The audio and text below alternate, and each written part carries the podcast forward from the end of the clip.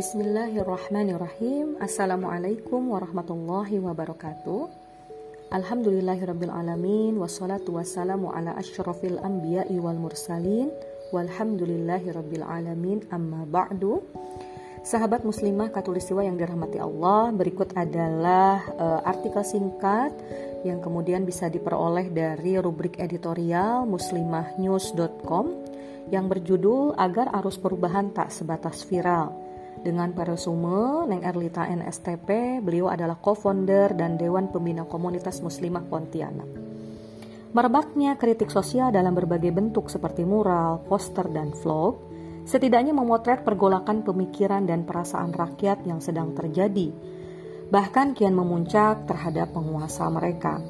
Tak dimungkiri hal ini terkait dengan situasi faktual yang memang makin tak karuan – Wabah yang berkepanjangan telah berdampak terhadap makin sulitnya kehidupan masyarakat, banyak ya, hingga taraf yang menyedihkan.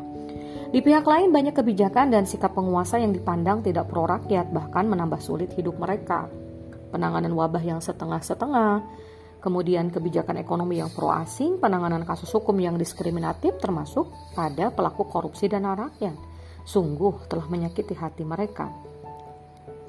Maka wajar ketika rakyat merasa marah dan kecewa. Terlebih catatan hitam penguasa sudah berderet panjang di belakangnya. Rakyat pun tak akan mudah melupakan berbagai kezoliman, ketidakadilan, kebohongan, dan sikap represif yang berulang-ulang dilakukan para penguasa mereka. Tentu saja, menguatnya ekspresi dan arus kesadaran masyarakat ini belum dikatakan, belum bisa dikatakan cukup sebagai modal perubahan, apalagi berbicara tentang arah perubahan hakiki yakni perubahan sistemis dan dari sistem sekuler kapitalis menuju sistem Islam. Oleh karenanya yang menjadi PR selanjutnya adalah membangun kesadaran masyarakat agar berbasis pemikiran ideologis bukan pragmatisme.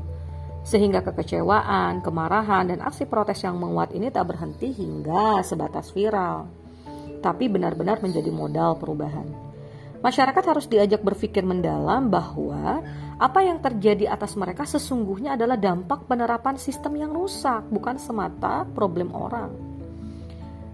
Sehingga yang semestinya diprotes bukan cuma buruknya keadaan atau kezoliman satu dua orang, tapi juga kerusakan sistem yang diterapkan, yakni sistem sekuler kapitalisme yang tegak di atas akidah batil dan senyatanya menjadi akar persoalan alias menjadi sumber berbagai kerusakan. Pada saat yang sama, rakyat pun harus sadar bahwa solusi tuntas atas semua problem ini adalah menggagas perubahan sistem ke arah terwujudnya sistem Islam. Karena memang hanya sistem Islamlah yang memiliki solusi tuntas atas berbagai masalah kehidupan. Wallahu a'lam bishawab. Wassalamualaikum warahmatullahi wabarakatuh.